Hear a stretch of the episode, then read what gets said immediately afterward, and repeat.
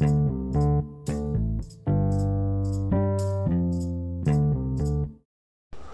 Yeniden herkese merhabalar. Yeni programın gelmesi biraz gecikti. Öncelikle bunun için özür diliyorum ancak bugün çok değerli bir konumuz, çok önemli de bir konumuz var. Profesör Doktor Cüneyt Kanat hocamız ile Emir Timur hakkında konuşacağız.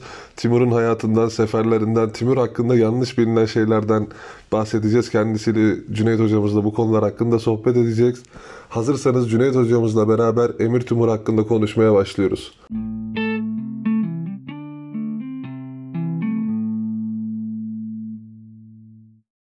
Hocamız ile sohbetimize başlamadan önce Cüneyt hocamızın bir YouTube kanalı var bu kanaldan sizlere biraz bahsetmek istiyorum. Bu YouTube kanalında Cüneyt hocamız kendi videolarını paylaşıyor.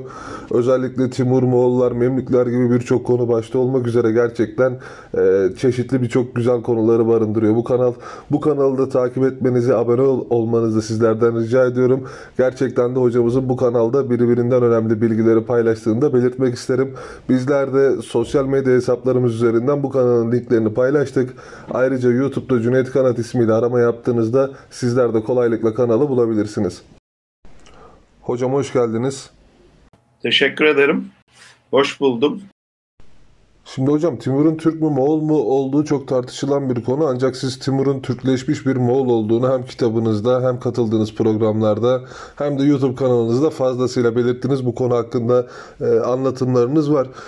Timur'un 1336 yılında Barlas boyunun beyinin oğlu olduğunu da biliyoruz. Ancak biz Timur'un çocukluğu hakkında ne biliyoruz? Yani e, bu tahta yükselişine kadar olan bölümde kendini kanıtladığı bölüme kadar yani Timur'un çocukluğu hakkında ne biliyoruz? Siz bundan kitabınızda bahsediyorsunuz. E, ben onu okumuştum ama onu da kısaca bir alabilir miyim sizden? Nasıl bir çocukluğa sahipti, neler yaşadı? Tabii bu aslında bu sorduğunuz soru çok önemli bir soru.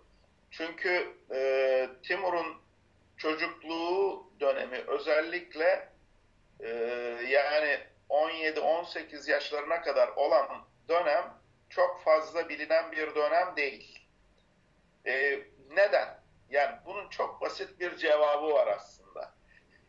Şimdi Timur e, bir İskender gibi ya da bir Fatih Sultan Mehmet gibi e, bir hanedan devleti olan bir hanedanın başındaki kişinin oğlu olarak dünyaya gelmedi. Bir hükümdar oğlu olarak dünyaya gelmedi. Küçük bir e, coğrafyaya hakim Keş bölgesinde Barlas boyunun beyi olan Toragay'ın oğlu olarak dünyaya geldi. Dolayısıyla yani bir hükümdar oğlu olarak dünyaya geldiğinizde sizin yaptığınız her şey çünkü bir şehzade olarak dünyaya geliyorsunuz ve evet, evet, o devletin e, ya da imparatorluğun her neyse bir e, varisisiniz ve ileride o devletin başına geçeceksiniz. Bu sebeple attığınız her adım, yediğiniz lokmalar bile sayılıyor, kaydediliyor. Şeyde e, ama e, küçük bir boy beyinin oğlu için böyle bir şeyi beklemek mümkün değil. Tabii ki. Çünkü tabii. o yıllarda Timur'un yapacaklarını, ne yapacağını kimse bilmiyor ki. O yüzden e, zafernamelerde Nizamettin Şami'nin zafernamesinde, Şerefettin Ali Ezdi'nin zafernamesinde biliyorsunuz ve diğer Timurlu kaynaklarında özellikle e, bu e, çocukluğu ile ilgili e, çok fazla bilgi yoktur. Şimdi tabii Zafernamelerde şöyle bir anlatı da var. Onu da bahsedeyim. E, dinleyicilerin, izleyicilerin hoşuna gidecektir. Şimdi zafernameler maalesef diyor ki bu durumu örtbas etmek için, resmi tarih olduğu için, tarihçiler olduğu için bu durumu örtbas etmek için şöyle bir açıklama yapıyorlar. E, diyorlar ki bu bilinmez diye. Diyorlar ki işte Timur'un o, o çocukluk yılları ve gençlik yıllarına evrildiği dönemler o kadar muhteşem olaylar yaşandı, o kadar inanılmaz şeyler oldu ki bunları biz buraya yazsak kimse inanmayacaktı. Onun için bunları biz burada kaydetmeyi düşünmedik şeklinde bir ifade. Tabi bu e, yani gerçek bir açıklama değil. Biz e, buna inanmamız e, mümkün değil. İşin aslı benim söylediğim gibi o sıradan bir boy beyin oğlu olduğu için çocukluğu hakkında herhangi bir kayıt tutulmadı. Ama biz hiçbir şey bilmiyoruz demek de değil bu. Yani o dönemdeki toplum yapısını ele aldığımızda bir boy beyinin yaşam tarzı, işte e, çocuklarının durumu, yani çocuklarının mesela Timur'un da iyi bir eğitim aldığını biz e, düşünüyoruz. Tabii bu eğitim yine bugünkü manada bir eğitim değil. Ama askeri bir eğitim aldığını biz mutlaka biliyoruz. Ve Timur'un bu konuda ileride gösterdiği başarılar, sahip olduğu yeteneklerin bir altyapısının olduğunu, temelinin olduğunu da buradan anlıyoruz zaten. Yani o çocukluğu döneminde kendi anlatıları da var zaten. Tüzükatı Timur'da da varsa da yani e, o, o devirde zaten biliyorsunuz her Türk asker doğar anlayışı hakim Türk toplumlarında ve e, her Türk bakın her erkek Türk de demiyor. Dikkatli olun. Her Türk asker doğar. Evet. Dolayısıyla yani kendinizi savunmak zorundasınız. Kadın olun, erkek olun. Ve çok küçük yaşlardan itibaren daha bir buçuk iki yaşındaki çocuğu koçların üstüne oturturlar. Böyle tutar boynuzlarından. Onun üstünde durmayı öğrenir. Daha yürümeyi öğrenmeden bakın. Çünkü atın üstünde yaşamı geçecek. Bu Türk evladı. Evet, doğru, doğru hocam. Elinde kılıç, atın üstünde e, seferlere gidecek, savunma yapacak, savaşacak, e, ganimet peşinde koşacak, e, gelir peşinde koşacak. E, artık her neyse. Bunu çok küçük yaşta öğrenmesi lazım. Dolayısıyla Timur da eğitimine bu şekilde başlıyor ve küçük yaşlarda mesela atla kurduğu ilişki ilerleyen yıllarda onun gerçekten efsanevi olaylar yaşadığı ve e, inanılmaz bu konuda maharetli olduğu zaten bilgiler olarak bize intikal etmiştir. İşte bu sebeple biz yani 16-17 yaşlarına kadar Timur'un çocukluğu hakkında çok net şeyler söyleyemiyoruz. Ama o dönemin toplum yapısının içinde bulunduğu şartlarda neler olup bittiğini tahmin ederek az çok tahmin edebiliyoruz. uçlarına ulaşıyoruz. Tabii. Evet. Peki hocam e, yani bir obanın beyinin oğlu olarak nasıl Timur tahta çıkmayı başardı? Ne tür evet. mücadelelere girişti? Yani burada çünkü o dönemde büyük bir kargaşanın olduğunu biliyoruz. O, o, e, o tarihler içerisinde coğrafyadaki Türk halkları arasında büyük karmaşalar, büyük sıkıntılar olduğunu biliyoruz. Timur kendini bu bu kadar karışıklığın içerisinde sıyırmayı nasıl başardı? Evet, e, önemli bir soru yine. Tabii aslında yani e, bazen siz ne kadar yetenekli olursanız olun, değil mi? Eğer biraz da şartlar size yardım etmiyorsa maalesef bir şey yapamıyorsunuz. Ama hocam Timur şeyi çok güzel başarmış bir insan. Yani şartları kendi lehine çevirebilmeyi çok güzel ziyadesiyle başarabilmiş bir lider. Yani e, her türlü şartın, her türlü durumun içerisinde muhakkak kendine bir kazanım elde etmeyi başarmış. Evet, tam da benim söyleyeceğim bu işte. Yani Timur aslında Çağatay Devleti'nin yıkılması sonrasında o coğrafyada ortaya çıkan o kargaşa ortamını tam da dediğiniz gibi kendi lehine çevirebilen bir lider. Yani karizmatik bir lider kimliği var Timur'da. İşte onun için siz o söylediklerinizi söylediniz. Tabii doğru. doğru Bunu hocam. Timur bize söyletiyor. Tabii ki eğer o yapmış olduklarını yap, yapamasaydı bu olumsuz olan bir takım şartları bile kendi lehine çeviremeseydi biz bugün belki de Timur'u konuşmuyor olacaktık. Yani dolayısıyla Çağatay Devleti'nin dağılma sürecinde bölgede inanılmaz bir kargaşa ortamı e, gö görüyoruz. Ve bu arada şunu da hemen araya e, ilave etmeliyiz. Timur'un babası Toragay bu sürecin başında aslında siyasete e, yani dinine çok düşkün bir insan ve din adamlarıyla birlikte e, takılıyor. Onlarla düşüp kalkıyor ve bu onu mutlu ediyor. Mütedeyyin bir insan. Onun için siyasete de çok fazla ilgisi yok e, ve Oy Bey'i görevini de zaten bir e, yakınına büyük ihtimalle Timur'un amcası olabilir bu. Bir yakınına devrediyor. Kendisi gönüllü. Ve bu süreçte e, bu işlerden uzak. Ama oğlunun da bir lider olarak e, bu karmaşalara son vermesini ve buradaki birliği, beraberliği sağlayıp bir devlet kurmasını da bekliyor aslında. Timur'u da bu konuda büyük ihtimalle teşvik ediyor. Ve Timur az önce söylediğimiz gibi işte bu dağılma sürecindeki kargaşa, kargaşa ortamını çok iyi değerlendiriyor. Ve mesela öncelikle ha, e, o bölgeye hakim olan Kazaga'nın yanında görev alıyor. Kazaga'nın yanında görev alıyor ve Kazaga'nın yanında görev almaya ki Kazaga'nın ünvanı o sırada han yetiştiricisi bakın. Yani böyle bir lakabı var ee, Kazaga'nın ve onun yanında aslında e, siyaset eğitimini tam anlamda onun yanında almaya başlıyor. Ve ilerleyen yıllarda zaten işte 17-18 yaşlarında e, Emir Kazagan e, torunu Alcay, Olcay Hatun'u Timur'a veriyor. Şimdi Timur'un soyu ilgili de yapılan bazı tartışmalar var. İşte çok soylu birisi değil, e, sıradan e, özellikle İbn Arapşah'ın ifade evet. ettiği o e, söylemi biliyorsunuz. Yani bir çizme ustasının oğlu bu. E, sıradan birisi, e, koyun hırsızı falan gibi böyle garip garip evet, ithamları var. E, bulunuyor İbn Arapşah. Dolayısıyla e, aslında hiç de öyle olmadığını biz Kazaga'nın torunuyla yaptığı evlilikten de anlıyoruz. Olcay Hatun'la evleniyor ve Kazagan Timur'a çok güveniyor. Timur da gerçekten çok başarılı onun yanında ve çok ciddi bir e, siyaset anlamında e, tecrübeler e, dizgesinden geçiyor.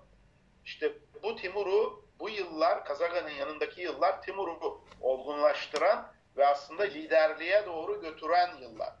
Daha sonra e, Tuğluk'un gelip bölgeye, Kazagan'ın ölümünden sonra Tuğluk'un gelip bölgeye e, hakim olma isteği sırasında e, Timur'un amcasının bölgeyi terk edip kaçıp gitmesi, Timur'un ise gidip Tuğluk'u karşılaması ve onunla kurduğu ilişki e, tam da artık Timur'un bahtının aslında açıldığı dönem. Ondan sonra Timur'un bölgedeki aldığı görevler ve bu görevlere bağlı olarak e, sürecin ilerlemesi ki bunlar tam olarak biz e, Timur'un gerçek anlamda tarih sahnesine çıktığı tarih olarak biliyorsunuz 1360 yılını kabul evet. ediyoruz. İşte bu 1360'tan sonrasıdır. 1360 ile 1370 yılları arasında Timur e, verdiği mücadeleyle ki bu mücadeleyi e, Kazaga'nın e, e, torunu olan Emir Hüseyin ile birlikte e, Abdullah'ın oğlu yani Olcay'ın Olcay Hatun'un ağabeyiyle birlikte bu mücadeleyi veriyor. Emir Hüseyin'le birlikte çok ciddi bir mücadele veriyorlar bu 60 ile 70 1360 ile 1370 yıllar arasında.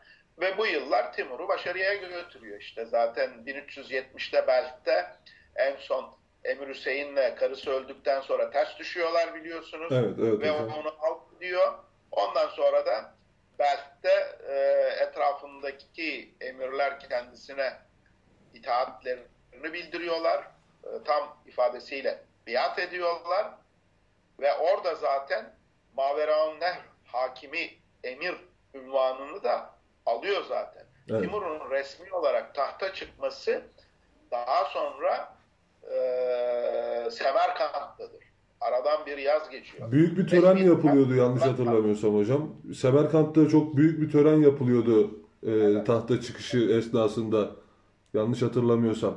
Doğru, doğru, evet doğru hatırlıyorsunuz. Hocam peki bir şey sorabilir miyim? Şimdi geçtiğimiz Tabii. günlerde bir tarihçi hocamız Türk devletlerinde kut alma e, mevzusu vardır dedi.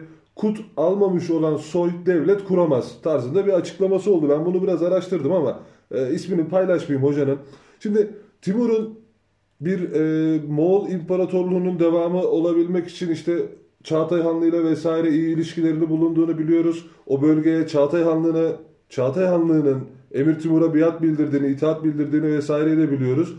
Timur Türkler açısından nasıl karşılanıyordu coğrafyada? Yani o bölgede bulunan işte Türk beylikleri, Türk devletleri, Altınorda vesaire onlarla arası nasıldı Timur'un iktidara geldikten sonra? Şimdi Timur 1370 yılında Maverahanlar hakimi olarak devletini kurduğunda ve tahta geçtiğinde zaten biliyorsunuz bu söylediğiniz ayrıntı sebebiyle ne yapıyor? Sadece emir ünvanını kullanıyor. Han ünvanını hiçbir zaman Kullanmadı. Ve yine ne yapıyor? Moğol e, hanedanından birisini han olarak tahta oturtuyor. Kim bu? İlk geçen Suyurgat'mış.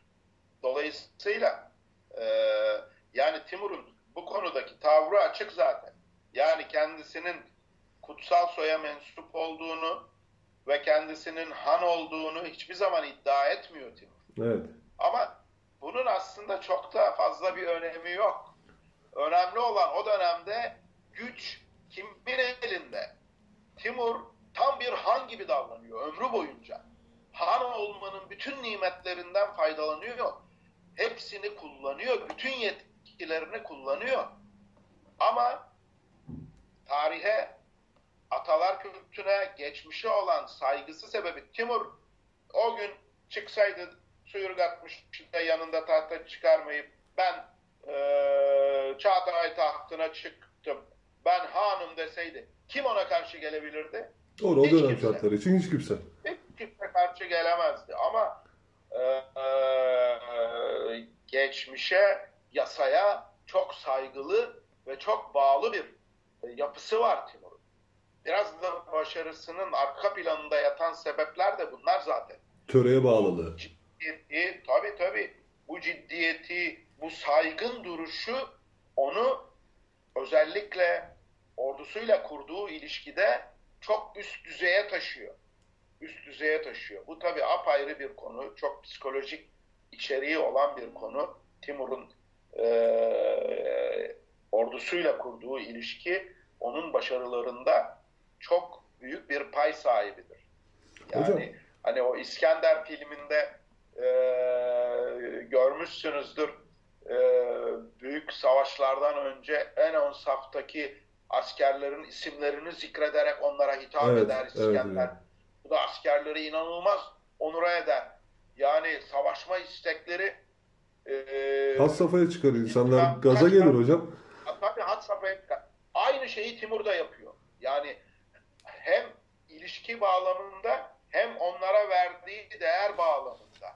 Ne bileyim savaşa çıkmadan 3 yıllık ücretlerini peşin ödüyor mesela.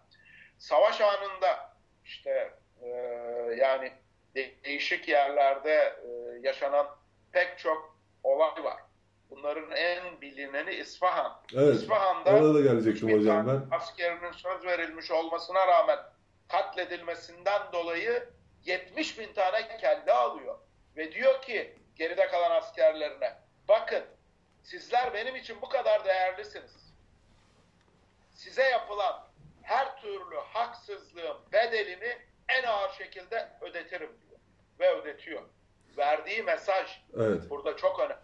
Çok anlamlı. Tabii hocam. Hocam İsfahan'a gelmişken şimdi bir şey sormak istiyorum. Daha önce siz katıldığımız programlarda da beyan ettiniz. Şimdi İsfahan konusu hakkında e, bazı öneri şeyler var, tezler var. Bu tezlerden bir tanesi Timur'un askerlerinin gece pusuya düşürüldüğüydü. Yanlış hatırlamıyorsam siz de böyle belirtmiştiniz kitabınızda. Yanlış hatırlıyorsam kusuruma bakmayın. Yok hayır öyle değil. Değil Öyle miydi? değil. Bir de bir bir programda bahsettiğiniz bir olay vardı. Bir kadınla geçen bir olay vesaire. Ya bu konu Ha, hakkında çok fazla tez var. Bu neden kaynaklandı? İsfahan'da Timur niye bu kadar çok sinirlendi? Tamam. Şöyle oldu. Olayı anlatayım kısaca, hızlıca, özet olarak anlatayım hemen. Teşekkür size. ederim hocam. Ee, şimdi İsfahan kuşatılıyor. Ve Timur'un şöyle bir taktiği var. Kuşatma seferleri sırasında. Yani şehrin surlarının hemen yanı başına gelip ordugahını kurduğunda bunu Halep'te de yapıyor, Dimaşk'ta da yapıyor, her yerde yapıyor. Elçilerini gönderiyor. Tamam mı? Tamam Diyor ki, hocam. Bak biz buraya kadar geldik. Çok fazla masraf yaptık. Lojistiğiydi, askeriydi, besle, yürüt, atlarıydı, şu suydu, bu suydu. Bir sürü masrafımız var. Bize itaatinizi bildirin, teslim olun. Bizim bu masraflarımızı da tazmin edin. Biz size dokunmayız. İtaat ettiğiniz için, bize de bağlılığınızı bildirdiğiniz için biz size dokunmayız diyor. Şimdi İsfahan'da bazı yerlerde bu teklif kabul edilmiyor. Mesela Halep'te kabul edilmiyor. Evet. Ama Dimak'ta kabul ediliyor. Çünkü Halep'te ne yaptığını görüyorlar. O kadar hızlı Öyle yayılıyor. bir koru, o korkudan kaynaklı. Abi tabii bravo. Aynen öyle. Şimdi İsfahan'da e, yöneticiler oturuyorlar, durumu değerlendiriyorlar ve diyorlar ki ya zaten bizim can sağlığımız yoksa malımızın ne kıymeti var? Doğru düşünüyorlar hocam. can değilse malın ne kıymeti var? Kefenin cebine koyup öbür tarafa götüremiyorsunuz ki. Dolayısıyla diyorlar ki biz e, Timur'a teslim olalım. İstediği savaş tazminatı her neyse bunu da ödeyelim. Karar bu. Ve bunu Timur'a bildiriyorlar. Timur çok memnun oluyor. Diyor ki tamam açın kapıları. Benim ordum dışarıda kalacak. İçeriye 3000 tane Çağatay askeri e, iki tarafın anlaşması sonucunda tahsilat yapmak üzere giriyor.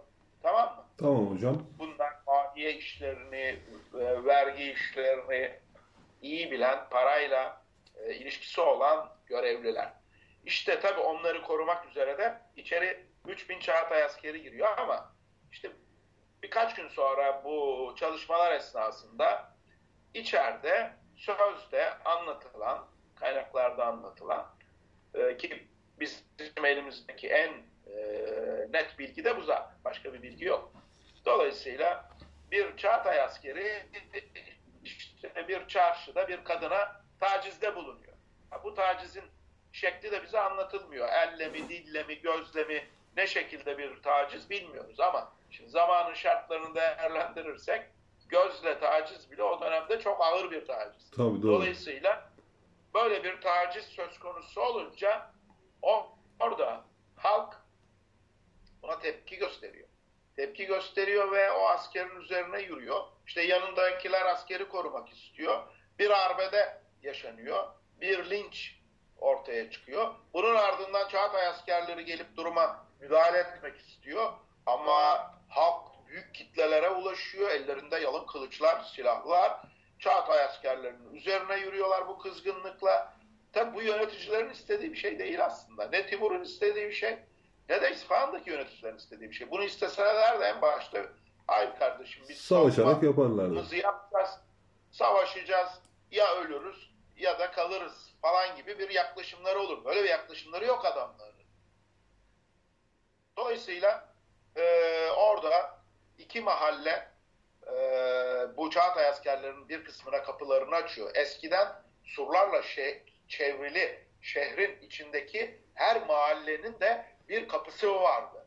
Ve günün belli bir saatinde atıyorum saat 7'den sonra, 8'den sonra, 9'dan sonra her neyse o mahallenin kapıları kapatılırdı.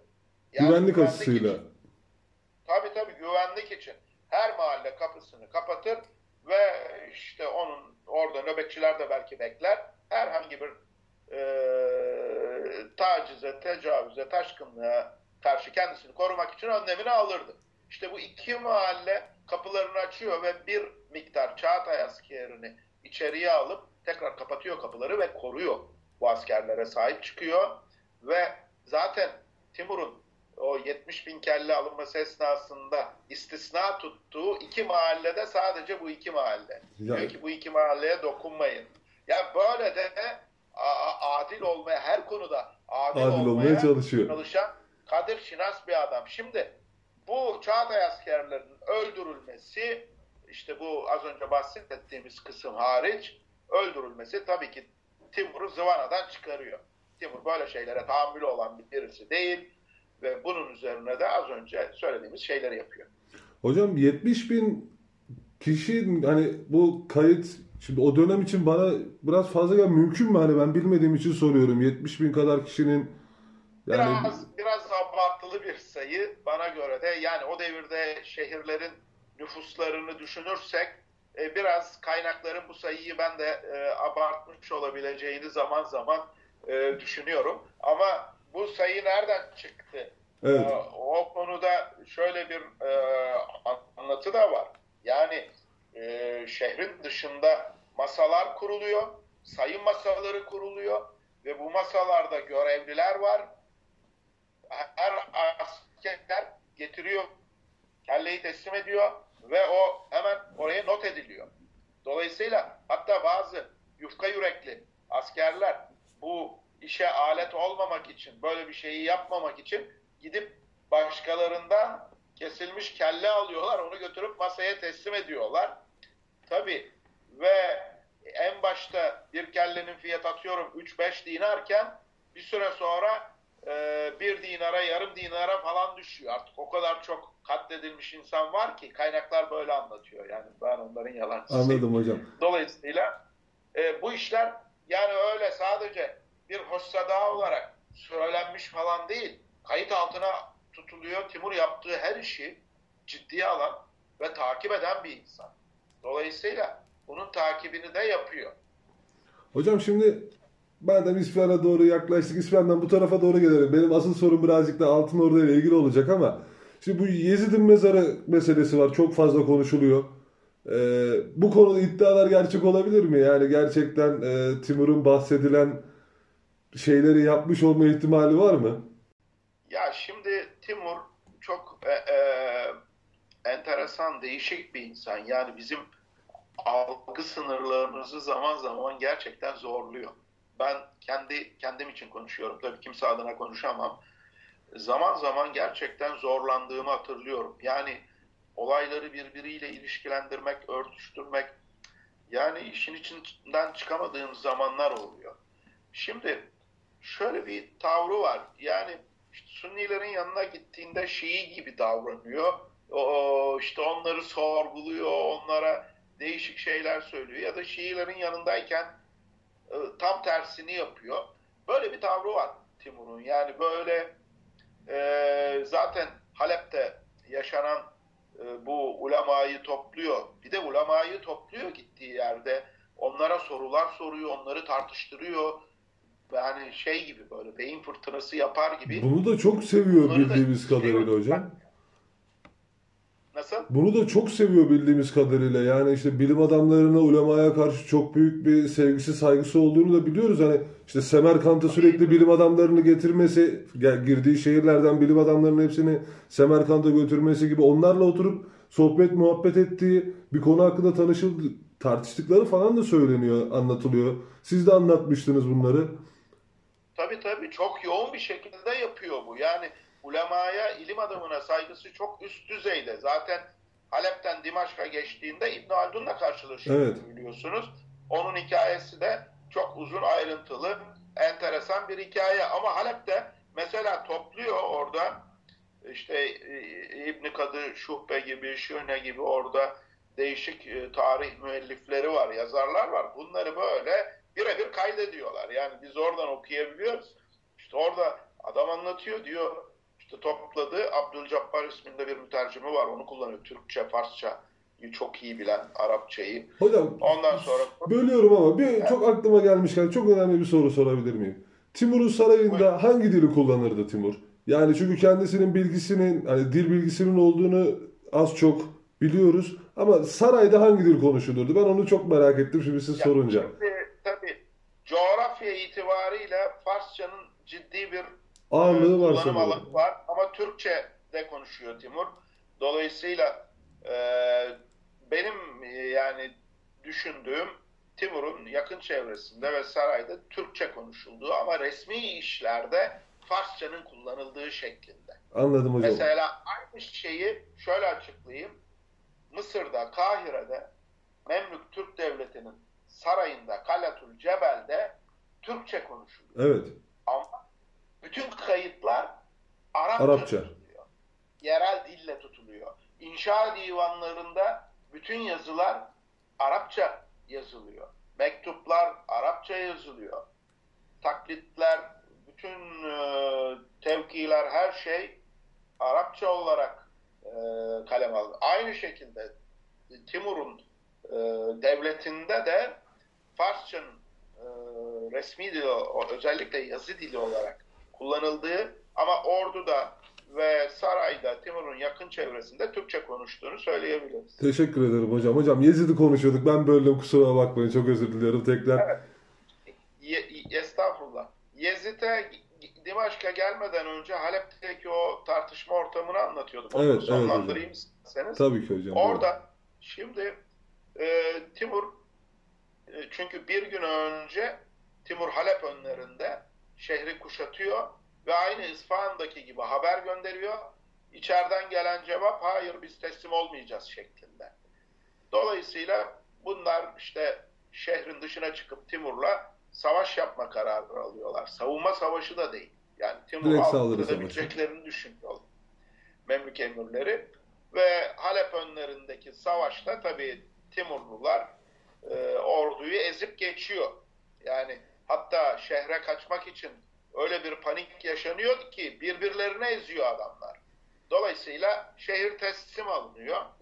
Timur da birkaç gün sonra yapılan bu ulema ile yaptığı ilim toplantısında diyor ki size bir soru soracağım.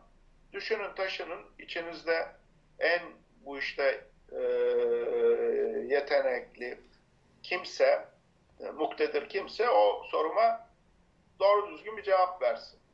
Şimdi bütün ulema zaten korkudan tir tir titriyor. Çünkü şöyle bir söylenti hep Timur'un önünde gidiyor. Diyorlar ki ah işte hep biz duyuyorduk Timur ulemayı toplar zor zor sorular sorar. Ondan sonra da istediği cevapları alamayınca bunları katleder. Tamam mı? Adamlar per perişan bir halde zangır zangır titriyorlar soruyu bekliyorlar. Neyse soru geliyor. Timur diyor ki söyleyin bakalım diyor. Dün diyor bir savaş oldu Halep önlerinde. Sizden ve bizden ölenler var. Bunların hangisi şehittir diyor. Çünkü iki tarafta Müslüman. Evet. Bunların hangisi şehittir diyor. Ha, gerçekten çok zor bir zor soru. bir soru hocam. Yani çok zor bir soru. İşin içinden çıkmak mümkün değil. Tabi orada e, ulemadan bir zat diyor ki işte bu soruyu diyor bizim diyor e, buradaki müftümüz e, en iyi şekilde cevaplar diyor. E, o müellif de zaten kendi yazdığı kitapta diyor böyle dediği zaman diyor ben diyor eyvah diyor başımdan aşağı kaynar sular döküldü. Bu benim bittiğim andır dedim diyor kendi ifadeleri. Ondan sonra diyor ama bir anda diyor bana diyor Allah tarafından bir diyor ilham geldi diyor. Ben diyor cevabı şu şekilde verdim diyor anlatıyor. Diyor ki ey Yüce Timur diyor bu soru diyor e, Peygamber Efendimiz'e de diyor Hazreti Muhammed'e de onun döneminde diyor sorulmuştu diyor. Nasıl sorulmuştu diyor Timur. Bir anlat bakalım biz de öğrenelim diyor. Diyor ki şöyle sorulmuştu. İşte bu savaşlarda ölenler var. E, kim cennete gidecek? Hangisi şehit oluyor? Şeklinde sorulmuştu diyor. Ben size diyor onun verdiği cevapla cevap veriyorum diyor. Nedir cevabın? Söyle diyor. Dün diyor, dünkü savaşta diyor, Peygamber Efendimizin de diyor cevabında ifade ettiği gibi diyor. Kim Allah için savaştıysa pardon o şehittir diyor. O cennete gidecek diyor. Timur'un da bu cevap çok hoşuna, hoşuna gidiyor. gidiyor. Diyor ki bravo tamam diyor. Ben diyor ikna oldum diyor. Hocam peki şimdi biraz daha yakınlaşayım. Ankara'ya doğru geleyim. Ankara Savaşı e, bizim ülkemizde çok bilinen, çok çok tartışılan e, ve maalesef burada böyle Timur'un çok e, yanlış yaptığı tarzında hep bugüne kadar yani toplumun genelinde bu şekilde lanse edilen bir savaş. Şimdi ben geçenlerde Ceren Şergen hocanın bir videosunu izledim. Ceren Şergen hocamız diyor ki Timur savaş esnasında savaştan diyor o kadar emin ki kazanacağından çünkü diyor hani Yıldırım Beyazıt'ı bir girdabın içerisine aldığından emin e, santranç oynuyor. Hani savaş meydanında meydan, meydana inip katılmıyor diyor savaşa. E, doğru mu hocam bunlar? Yani Timur gerçekten doğru, doğru. nasıl bir hale soktu evet. Osmanlı ordusunu da kendinden bu kadar emin konuma erişebildi bir savaşta? Çünkü Osmanlı da o dönemde evet. gerçekten Yıldırım Beyazıt dönemiyle birlikte böyle ordu açısından gerçekten kuvvetlenmiş, güçlenmiş bir e, devlet. Kendisi de Timur da tamam çok güçlü bir devlete sahip, çok güçlü bir orduya sahip. Ama ne yaptı da Osmanlı ordusunu böyle perişan edebilmeyi ta öncesinden, savaş öncesinden hazırlamış oldu. Tabii yani şimdi dediğiniz gibi yani e, Yıldırım Beyazıt da o dönemde Nibolu, Fatih'i, evet. zaferini yaşamış. Ondan sonra Balkanlarda fetihlerine e, müthiş bir şekilde devam eden, engel tanımayan e, Haçlı ordularını bile yere yapıştırmış. Ondan sonra çok güçlü bir e, hükümdar. Dolayısıyla o da kendine güveniyor. Timur da kendine güveniyor. Ama tabii Timur'un işte e, askeri dehası onu e, başka bir yere koyuyor. Sizin de e, sorunun içerisinde ifade ettiğiniz gibi zaten savaş başlamadan önce Timur savaşı kazanmıştı zaten. Yani bunu bütün e, Timurlu tarihçileri hep zikreder, söyler. Dolayısıyla yani Timur'un bir anda e, Anadolu'ya girdikten sonra kaybolması, Osmanlı'nın Timur'un peşinde koşması, sonra onun e, Karabatak gibi pat diye Ankara önlerinde tekrar ortaya çıkması. Hocam Yıldırım Beyazıt Ankara'ya nereden geliyor? Yani tam olarak konumunu biliyor muyuz? Ben onu hatırlamıyorum ama yani Timur Ankara Kayseri, Ovası'na çıktığında Kayseri üzerinden, Kayseri üzerinden geri dönüyor. Tabii. Ondan sonra e, orada bir gözüküyor. Ondan sonra tekrar kayboluyor ve bir şekilde Ankara önlerine geliyor ve Yıldırım e, Beyazıt tabii orada hazır ve nazır olarak beklemiyor. Biliyorsunuz Osmanlı kronikleri bunun e, tam krokisini de verirler, sözlü krokisini verirler ve şunu anlatırlar. E, Bayezid'in ağır topları, komutanları, yaşlı beyleri dedi ki ya biz Ankara önlerinde bekleyelim, ilerlemeyelim, bırakalım gelsin üstümüze. Ama Yıldırım Beyazıt çok heyecanlı ve kendisine çok güveniyor. Bunu kabul etmiyor. Tabi iki ordu hareket halindeyken birisi geliyor. Birisi bulunduğu yerden ileri gidip tekrar geri dönüyor ve bu arada ordu tabi çok güç kaybediyor. Yıpranıyor tabi. Ve önce gelen önce gelen de işte sizin sorduğunuz sorunun tam cevabı bu aslında. Önce gelen de lojistik her türlü imkanı kullanacak şekilde konuşlanıyor oraya. Mesele bu. İşte su yollarını, geçitleri, ondan sonra e, sırtına tepeleri alıp arkasına e, önüne e, düşmanı kendince yani savaşacağı o bölgeye yerleştiriyor. katması tabi tabi tabi. Bütün bunları istediği gibi ayarlıyor Tim. Ee, tabi Yıldırım Beyazıt geldiğinde mecburen kendisine ne kaldıysa oraya sıkışmak zorunda, oraya yerleşmek zorunda. Ve bu durum onu çok ciddi sıkıntıya sokuyor. Dolayısıyla e, yani bundan dolayı Timur'la e, Timurlu ordusuyla Osmanlı ordusu e, savaşa başlarken Timurlu ordusu 1-0 önde başlıyor. Su kaynakları vesaireler evet. zaten hepsi Timur ordusuna doğru şekillendirilmiş durumda. Bir de Yıldırım Beyazıt'ın bu kadar çok peşinden koştuğunu düşünürsek Timur'un zaten sorunun cevabı belli hocam. Hocam nasıl davrandı peki Timur Yıldırım Beyazıt'a? Bu da çok tartışılıyor. Yani kimi kafeste gezdirdi diyor işte biz ben de mesela şey yaptığını hani hürmetle karşıladığını inanıyorum şahsen. Hatta bir sözü olduğu söyleniyor. Yanlış hatırlamıyorsam ya kazandıktan önce ya mektuplarda onu çok hatırlamıyorum kusura bakmayın ama işte bu dünya benim gibi bir adamla senin gibi bir adama kaldı tarzında bir kelam olduğu falan anlatılıyor. Onu siz söyleyin diye ben tam benim olarak söylemedim. Gibi kör bir adama kaldı diyor yani diyorlar da böyle bir şey olduğunu ben pek zannetmiyorum. Yani Timur gibi bir adamın bunu... Yok canım bence de. Söylemez Sözde yani. Efsane bunlar yani uydurma. Sözde Timur bir gülmüş de karşılaştıklarında Yıldırım Beyazıt da sormuş neye gülüyorsun demiş.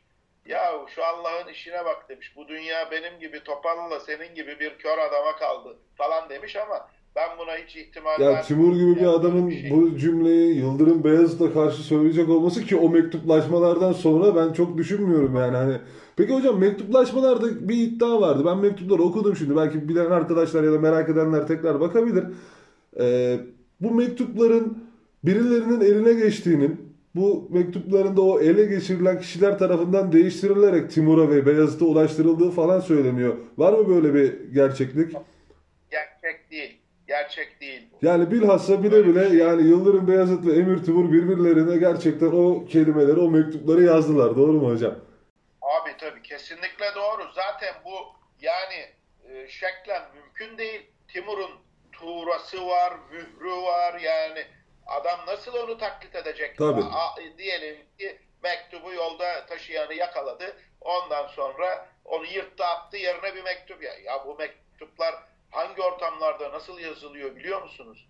İnşa divanlarında heyetler tarafından taslaklar hazırlanıyor. Bu taslaklar e, ulemaya okunuyor, Timur'a okunuyor. Aynı şekilde Osmanlı tarafında onlardan kabul görüyor, üzerinde çalışılıyor falan yani. Bu mektupların her biri birer edebiyat harikası. Tabii tabii tabii Şeyle doğru hocam. Memlük Devleti ile Berkuk'la Timur arasındaki mektuplaşmaları da ben mesela doktora tezimde e, büyük bölümünü yayınladım çevirerek. Ondan sonra öyle edebiyat parçalıyor ki adamlar. Ya inanılmaz. Artık cümlelerle birbirlerini dövüyorlar neredeyse. Kelimelerle, cümlelerle bin bir tane mesajlar veriyorlar.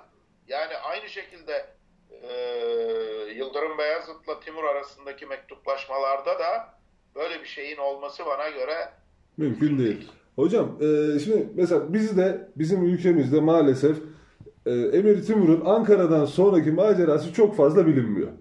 Yani Ankara Savaşı'na kadar işte herkes e, öyle ya da böyle Emir Timur'un ismini duydu. Fakat hiç kimse, çoğunluk diyelim yani buna belli bir kesim, Emir Timur'un Ankara Savaşı'ndan sonra ne yaptığını yani özellikle Anadolu coğrafyası açısından Anadolu'da nasıl bir yol haritası izlediğini hiç kimse bilmiyor. Bir de şey okumuştum o da doğru mu? Ee, Bizans'la olan ilişkileri İstanbul'a bir kaynakta okumuştum çok hatırlamıyorum ama İstanbul'a Timur Sancağı'nın dikildiğine dair bir şeyler vardı. Ee, doğru mu değil mi bilmiyorum. Bizans'tan haraç alınması gibi durumlar vardı. Bunlar da doğru mu? Emir Timur Ankara Savaşı'ndan sonra Anadolu'da ne yaptı? Ne tarafa doğru yöneldi? Şimdi Timur'un ne yaptığını anlatalım. Anlatmadan önce tabii Timur savaşı kazandıktan sonra pek çok yere fetihnameler gönderiyor. Bu adettendir biliyorsunuz Evet. yani. Türk hükümdarları bunu yapar. Ee, tabii Bizans'a da gidiyor. Hatta Bizans'tan e, gemi yardımı istediği hani bazı şeyi geçmek için Çanakkale geçmek için bunlar da anlatılıyor. Tabii Bizans e, imparatoru zaten aldığı haberden çok mutlu. Biliyorsunuz Yıldırım Beyazıt İstanbul kuşatmasını evet. kaldırıp gidiyor Timur'la savaşıyor. Evet, Böyle de bir evet. durum var. Adam yani hani isteyeceği yani en güzel şeye sahip oluyor. Ve bun- buna bağlı olarak zaten İstanbul'un ömrü biliyorsunuz Uzuyor. 1453'e kadar Evet, bir evet ortalama 50 yıl daha uzamış oluyor böylece. Yoksa belki de o, o yıllarda Beyazıt tarafından fethedilme ihtimali de vardı. Dolayısıyla Timur'a çok hürmetkar, çok saygılı ve ona itaatini bildiriyor. Her ne isterse her konuda yardımcı olabileceğini söylüyor. Bu esnada Timur'un sancağının da turla, surlara dikilmiş olması beni hiç şaşırtmaz. Mümkün. Yani bunun, bunun kesin bir bilgi olduğunu ben bugüne kadar hiçbir yerde görmedim. Ya bu tabii bir iddiaydı hocam ama merak Ya, ettim ben de açıkçası. Yani mantık, mantık yürüterek biz bunun gerçek olduğunu düşünebiliriz. Tabii tabii hocam. Daha sonra Timur, Timur'un o sırada bir tek hedefi var bakın. Yani tabii ki büyük şehirleri Bursa'da dahil olmak üzere yağmalıyor zaten. Evet. Her türlü ganimeti ondan sonra her türlü güzel şeyi diyorum ben alıyor. Yani sanatçısı, zanatkarı, ilim adamı e, bunu meta olarak düşünün, insan olarak düşünün alıyor değerli şeyi götürüyor. E, gözümün nuru dediği Semerkant Semerkant'a. başkentine götürüyor. Ee, Bunu biliyoruz ama Timur'un Ankara'dan sonra bir tek derdi var. O da ne biliyor musunuz? İzmir'i fethetmek. Fethetmek. Küffarın elinden İzmir'i almak derdi bu. Çünkü Timur'un şöyle bir yaklaşımı var. Timur yapılamamış şeyi yapmak istiyor. Bütün derdi bu. Başarılamamışı başarmak istiyor. Çok hırslı bir yapısı var. Başarıya odaklanmış bir yapısı var. Dolayısıyla İzmir'in e, Osmanlı sultanları tarafından da alınamadığını çok önceden biliyor zaten. Yani daha sonra diyor ki e, yani ben şu anda İzmir'den bağlanıyorum. Evet, İzmirliyim. İzmirli olarak biz bu konuda Timur'a minnettarız. Çünkü Çaka Bey'den sonra Timur İzmir'i fethediyor ve o günden sonra da hep Türklerin elinde kalıyor biliyorsunuz. Evet doğru hocam. Kurtuluş Savaşı esnasında Yunanlılar bir kere daha geri almak için teşebbüste bulundularsa da e, çok şükür ki Çok şükür ne, e, ne mutlu bize hocam. Evet denize dökülüp e, çekip gidiyorlar. Venizelos başta olmak üzere.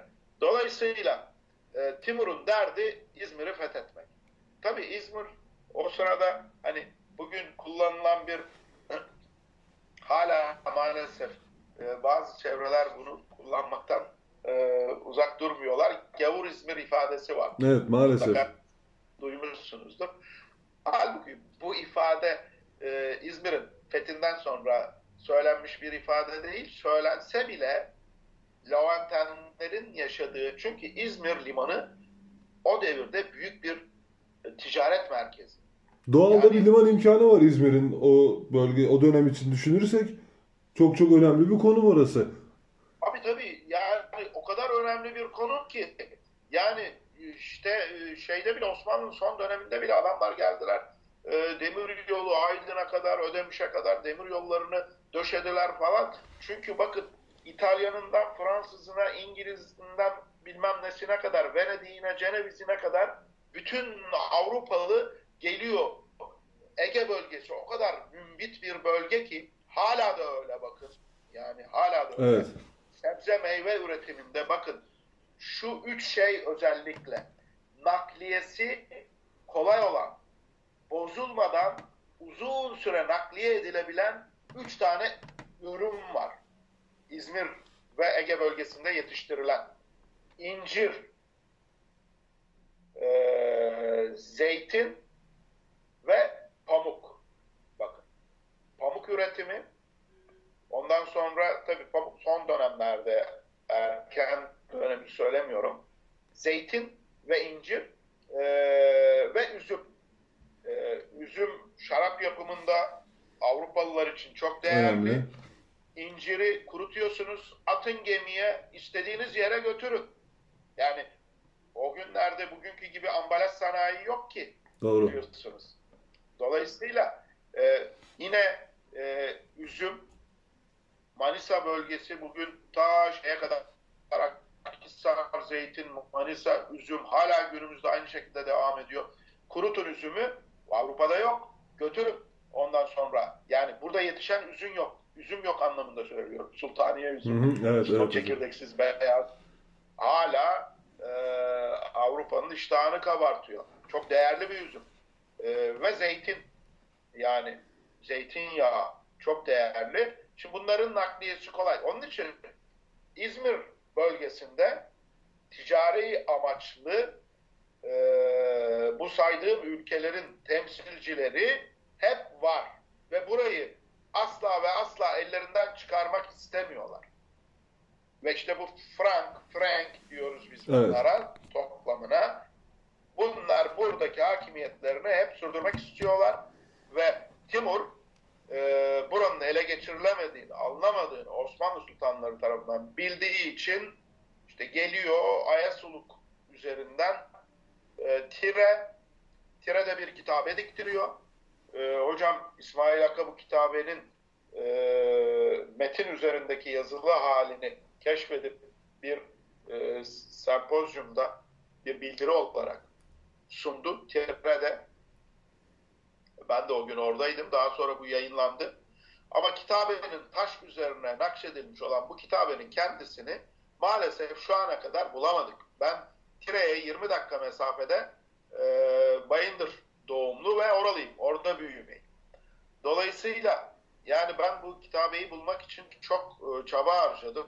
Zaman zaman biliyorlardı artık benim bunun peşinde olduğumu. Zaman zaman işte e, şüphelendikleri bazı sağ olsun belediyede e, kültür müdürü de e, ve buna benzer diğer görevleri yürüten arkadaşlarımız, gençler var, öğrencilerimiz bazen orada görev aldı. Hep bizi haberdar ediyorlar. Hocam şöyle bir bilgi geldi, tiyo geldi. Ne yapalım diye hemen ben işimi gücümü bırakıp koşa koşa gidiyorum. Ama hep boş çıktı ihbarlar. Bugüne kadar bulamadık. İnşallah bulunur hocam. Ee, Yani geçenler, çok... geçenlerde yine bir ihbar geldi. Ee, farklı bir yerde. Ee, yine gittim. Farklı bir şey buldum. Daha onu açıklamadım. Ee, ama üzerinde çalışacağız biraz. Dolayısıyla e, Timur'un derdi İzmir'i küffarın elinden almak. Bu kadar basit. Basit. Ve geliyor. Çok kısa sürede de kaleyi fethediyor. Ondan sonra da İzmir hep Türk zaten. Çok şükür. Elhamdülillah tabii, tabii hocam. Hiçbir zaman da gavur İzmir olmadı. Ee, ama hep yabancılar oldu İzmir'de. Neden? İşte bu anlattığım ticaretin çekiciliği sebebiyle. Hocam İstanbul'da da her zaman ticaretçiler oldu. İstanbul'a da bugün kimse gavur İstanbul demiyor yani o açıdan bakarsak. Evet. Hocam şimdi son e, bir iki soru sormak istiyorum. Şimdi malum yılbaşından sonra Kazakistan'da bazı olaylar başladı, protestolar vesaire. Bu protestolar başladıktan sonra e, internette, sosyal medyada özellikle Emir Timur'un adı çok kullanılmaya başladı. Ben bilhassa takip ediyordum. Sebebi de Altınordu Devleti'ydi. Şimdi Altınordu Devleti ile Timur'un e, savaştığını biliyoruz. Daha öncesinde tahtın tahta geçtiğinin ilk yıllarıydı yanlış hatırlamıyorsam. Altınordu'nun bir Devrik Sultan'la mı diyelim, e, şehzadesine mi diyelim yardım ettiğini biliyoruz. Altınordu Devleti yıkıldı. Toktamış'a. Evet Toktamış'a yardım ediyordu. Ee, soru her, zaman şu herkes de şu. Altınordu Devleti'ni yıkan iç karışıklıklar mı oldu Timur mu oldu? Ya da Timur şimdi tarih hiçbir zaman olasılıkları üzerine konuşulmaz. Ben bundan çok haz almam ama insanların aklında bir acaba soru işareti oluyor. Yani Timur Altınordu Devleti'ni yıkmasaydı Moskova Kinezliği bu kadar büyür müydü vesaire diye düşünüyorlar. O yüzden de bu soru çok soruluyor. Benim de bu ara çok fazla karşıma çıkıyor. İç karışıklıklar mı neden oldu, Timur mu neden oldu diyelim soru için hocam. Ya şimdi e, yani bunu bilir tek nedenle açıklamak e, yani olaya böyle bakmamak lazım. Ben bu konuda çok daha temkinli davranmaya çalışıyorum. Yani bir devletin kuruluşu da yıkılışı kuruluşunu da yıkılışını da böyle bir tek sebeple açıklamak bana göre Mümkün değil. zaman doğru, Doğru, değil. doğru tabii hocam. Tabii tabii yani pek çok pek çok tali sebepler vardır.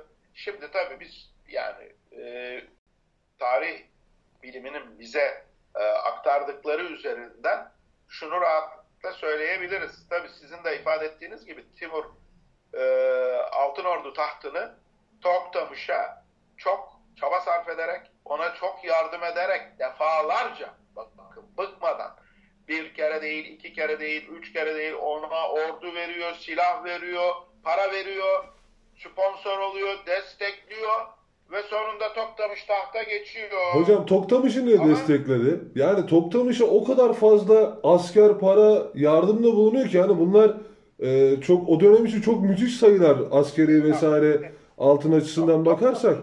Yani niye böyle niye Toktamış'ı seçti Timur? Niye kendine sığındığı için miydi? Niye? Niye? Şunun için. Toktamış bir kere hanedan mensubu. Evet. Onun için değerli. Tamam mı? Bu bir. İkincisi Toktamış'la yani Altınordu tahtına geçirdiği kendisinin elleriyle oturttuğu birisiyle ilişkilerinin çok iyi olacağını ve arkasından emin olacağını düşünüyor ve olmak istiyor. Ya arkada en azından bir düşman bırakmak istemiyor. Zaten politikası da bu. Birçok kez de geri dönüyor. E, sefere çıktıktan Tabii. sonra Semerkant'a o bölgeye tekrar geri dönüyor. Tabii kesinlikle Timur yani merkezden uzaklaştığında geride kafasının rahat olması lazım. E, Aksi takdirde gidemez. Hindistan'a kadar nasıl gitsin? Anadolu'ya nasıl gelsin? Suriye'ye nasıl gitsin? Öyle değil mi? Tabii ki Yani- tabii ki muhakkak hocam. Gürcistan'a defalarca sefer yapıyor. Onun için Toktamış'ı başa geçirmek istemesinin sebebi bu. Hem hanedana, hanedan mensubuna duyduğu e, saygı, Cengiz soyuna duyduğu saygı hem de az önce söylediğim siyasi sebepten dolayı. Tabi e, yani Timur'un e, o yıllarda e, küçücük Rus knezliğinin işte daha sonra Altın Ordu'nun yokluğundan istifade ederek büyüyeceğini ve bugünlere kadar büyük bir Rus imparatorluğu olarak karşımıza çıkacağını hiçbir şekilde hayal de etmez, Tahmin de etmez. Tabii tabii hocam. Değil, hiç kimsenin aklına böyle bir şey gelmez. Onun için bundan dolayı şimdi biz durup geri dönüp bakıp da Timur'u sorgulamamız bence yani bu ancak bir roman kurgusundan ibaret. Ya hocam bu maalesef Tarihi bizim roman bizim ülkemizde çok fazla mevcut özellikle tarih konusunda işte az önce bahsettik Ankara Savaşı e, olmadan önce işte Yıldırım Beyazıt'ın İstanbul kuşatmasında olması, İstanbul'un fethinin gecikmesi gibi durumlardan da mesela Timur'u kendince suçlamaya çalışanlar mevcut. Maalesef bizim ülkemizde tarih hep olasılık üzerinden gittiği için e, insanlarımız tarihi olasılık üzerinden tartışmayı çok sevdikleri için bu sorularla çok karşılaşıyoruz. Şimdi ben normalde şeyi soracaktım hocam size. Neden hep Türk devletleriyle savaştı tarzında bir soru gelmişti. Onu yöneltecektim. Ancak siz zaten az önce sorunun cevabını verdiniz. Timur bir cihan hakimiyeti ülküsüyle hareket ettiği için arkasında kendisine bir düşman bırakmak istemedi kimseyi diye düşünüyorum. Doğru mudur? Kesinlikle doğru. Osmanlı ile savaşmasının sebebi de bu. Yani coğrafya onları sıkıştırıyor. Hep ben söylerim. Yani bırakın bu Kara Yusuf şöyle yapmış, şöyle yazılmış, geri verilmemiş, mektuplar çok tehlikeli. Bunların hepsi hikaye diyorum ben. Yani bunlar e, sadece e, şeklen görünen yüz. Esas mesele coğrafyanın bu iki hükümdarı buna mecbur bırakması. Yani önünüze bir atlas açın, oradan bakın diyorum. Bu savaşın sebebini ancak o zaman görebilirsiniz, anlayabilirsiniz Doğru, diyorum. doğru hocam. İşte siz de beş yukarı aynı şeyi çok güzel ifade ettiniz. Doğru söylüyorsunuz. Hocam şimdi o dönemin şartları mevcut. Yani herkesin bir ülküsü, herkesin inandığı, mücadele ettiği, her devletin inandığı, mücadele ettiği bir şey var. Hocam şimdi e, Timur'un biz Çin seferine çıkarken vefat ettiğini biliyoruz. E, yanlış hatırlamıyorum değil mi? Yani Çin seferine hazırlıkta ya da Çin seferine giderken de Peki Timur'un vefatından sonra çok kısaca onu alabilir miyim? Timur'un vefatından sonra Timurlu Devleti, Timur İmparatorluğu'nun durumu ne oldu? Yıkılışa nasıl e, yöneldi? Ne tür sıkıntılar vardı? Bunu da çok konuşmadığımız için ben sizden kısaca bunu da almak isterim. Evet, e, yani Timur'un e, işte sizin de söylediğiniz gibi Çin seferine iki metre karın içinde ve tahtravan üzerinde giderken vefat etmesinden sonra e, tabi Timur'un gerçek anlamda vasiyeti yerine getirilemiyor ve Timur'un e, koyduğu kurallar, e, uygulamaları biraz terk ediliyor e, ve kendisinden sonra biliyorsunuz Şahru evet. yerine geçiyor. Ondan sonra ki e, hükümdarlar, alim hükümdar Ulu Bey ondan sonra e, tabi e, her ne kadar bunlar ellerinden geleni yaptıysalar da e, Timur gibi çok güçlü ve çok böyle vurduğu yerden ses getiren e, hükümdarlar olamadılar. Ve Timur'un o, o e, hep yukarıda tuttuğu fetih politikasını da tam olarak yaşatamıyorlar ve çevrede e, büyüyen, gelişen devletler de zaten e, ciddi şekilde onları e, baskılıyor. Mesela Şahruh dönemindeki Memlük Timurlu ilişkilerine baktığınızda bunu çok açık bir şekilde görebilirsiniz. İşte Memlük Devleti'nin artık çok güçlü olduğu bir dönem.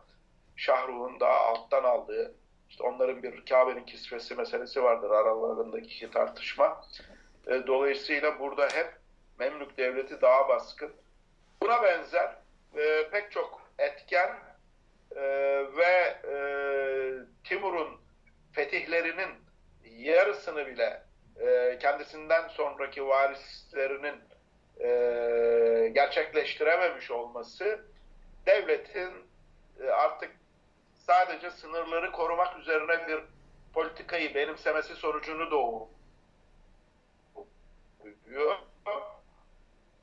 Bursa işte e, Ankara'ya Bursa de dahil olmak üzere e, Timur kadar yetenekli olamamaları sebebiyle devlet e, ömrünü tamamlamış oluyor. İbn Haldun'un o tezi gereği devletler doğar, büyür, insan gibidir ve ölürler.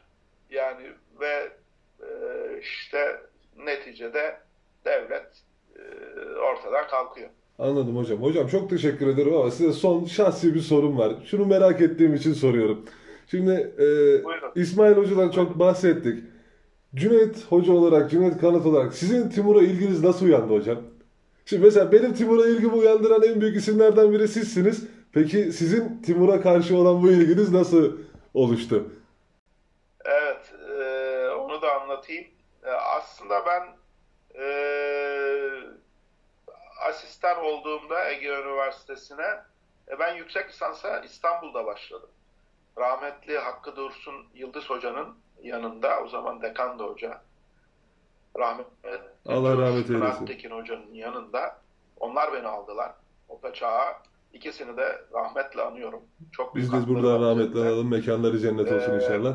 Ben orada da- ders aşamasını bitirdikten sonra işte Ege Üniversitesi'nden bir teklif alınca orada bir ilan çıktı, başvurdum. Ee, İsmail Bey de Ankara'dan, dil tarihten hocamdı zaten e, tanıyorduk birbirimizi. Dolayısıyla hoca da Selçuklu olduğu için o da Ankara Üniversitesi Dil Tarih Coğrafya Fakültesini bırakıp üniversitesine gelmişti. Ee, ben 86 yılında Kuveyt Üniversitesi'ne gitmiştim. Lisans eğitiminden sonra burslu olarak. Hoca da İzmir'e gelmişti. Daha sonra işte 89-90'da ben ders aşamasını orada bitirdim, geldim. Hocanın yanında tabii biz başladık. Benim yüksek lisans tezim Memlüklerle ilgiliydi. Daha sonra işte doktora çalışmamız esnasında ne yapalım ne yapalım diye düşünürken işte hocam tabii olaylara çok hakim, konuları çok iyi biliyor. Yani önümüzde birkaç test konusu vardı bizim alternatif olarak. Timur Altınordu münasebetleri gibi ya da Timur Memluk. Ee, bir konu daha vardı, onu söylemeyeyim çünkü hala çalışılmadı. Tamam Eğer hocam. çalı- belki bir kime veririm diye saklıyorum hala. Ee, biz neticede benim Arapçamın çok iyi olması sebebiyle e, Memlük Timurlu münasebetlerinde karar kıldık. Tabii ben doktora tezimden itibaren Timur'la tanıştım. Yani daha önceden de biliyorum tabii ki Timur'u bir tarih öğrencisi Tabii ki mutlaka. şey, kısa birisi olarak ama gerçek anlamda benim Timur'la e, yakınlaşmam e, doktora tezim münasebetiyle oldu. Ve benim doktora tezimin yarısı Memlük tarihi ise yarısı Timurlu tarihi. Dolayısıyla e, ben orada e, evet ben daha sonra e, Memlük tarihi üzerine çok fazla akademik çalışma yaptım. Ama profesör olduktan sonra ben e, artık yani yaklaşık 13-14 yıldır neredeyse 15 yıl olacak e, Timur'la ilgili çalışıyorum. Evet. Timur'la ilgili e, ya- yazıyorum. İşte kitabımız var biliyorsunuz. Makalelerimiz, Evet, evet. bildirilerimiz var. Dolayısıyla e, Timur'la ilgili e, bir şeyler yapmaya çaba sarf ettim. İşte biliyorsunuz YouTube kanalımda da e, Timur'la ilgili çok fazla paylaşımım paylaşımım var. Dolayısıyla yani bu sahayı sevdim, seviyorum. E, ve bir süre daha burada bu şekilde e, bulunmayı düşünüyorum. Hocam çok mutlu ettiniz beni. Ee, hem teklifi kırmadınız hem ben de sizin sayenizde Timur'la, Timur Devleti'yle, tarihin o dönemiyle daha fazla ilgilenmeye başlamış oldum. Hocam çok teşekkür ederim tekrar bizi kırmadığınız için, bilgilerinizi aktardığınız için. Estağfurullah. Ben de size çok teşekkür ediyorum. Beni davet ettiğiniz için. Ee, burada yine Timur'la ilgili e, bu bilgileri paylaşma imkanı verdiğiniz için e, size çok teşekkür ediyorum. Umarım başka yayınlarda tekrar görüşürüz. İnşallah hocam Memlüklüler hakkında da bir yayın yapabilirsek hazır e, sözünü alayım o zaman şey mümkün olursa sizin için ilerleyen dönemlerde siz müsait olduğunuzda yine bir gün. Memlüklüler dedik çünkü sizin de Tabii tabii doktor hayatınızın ilk noktaları Memlüklüler. Evet. Hocam çok teşekkür ederim. Doğru sağ olun. Olabilir, yapabilir. Çok teşekkür ederim hocam. Sağ olun. Ben teşekkür ederim. Bugünkü konumuzun da sonuna geldik. Cüneyt hocamızla çok hoş ve güzel bir sohbet gerçekleştirdik. Kendisine tekrar teşekkür ediyorum. Yayının başında da belirttiğim gibi hocamızın YouTube kanalına abone olmanızı tekrar rica ediyor, hatırlatmak istiyorum. Bir sonraki bölümde görüşmek üzere. Kendinize iyi bakın. Hoşçakalın.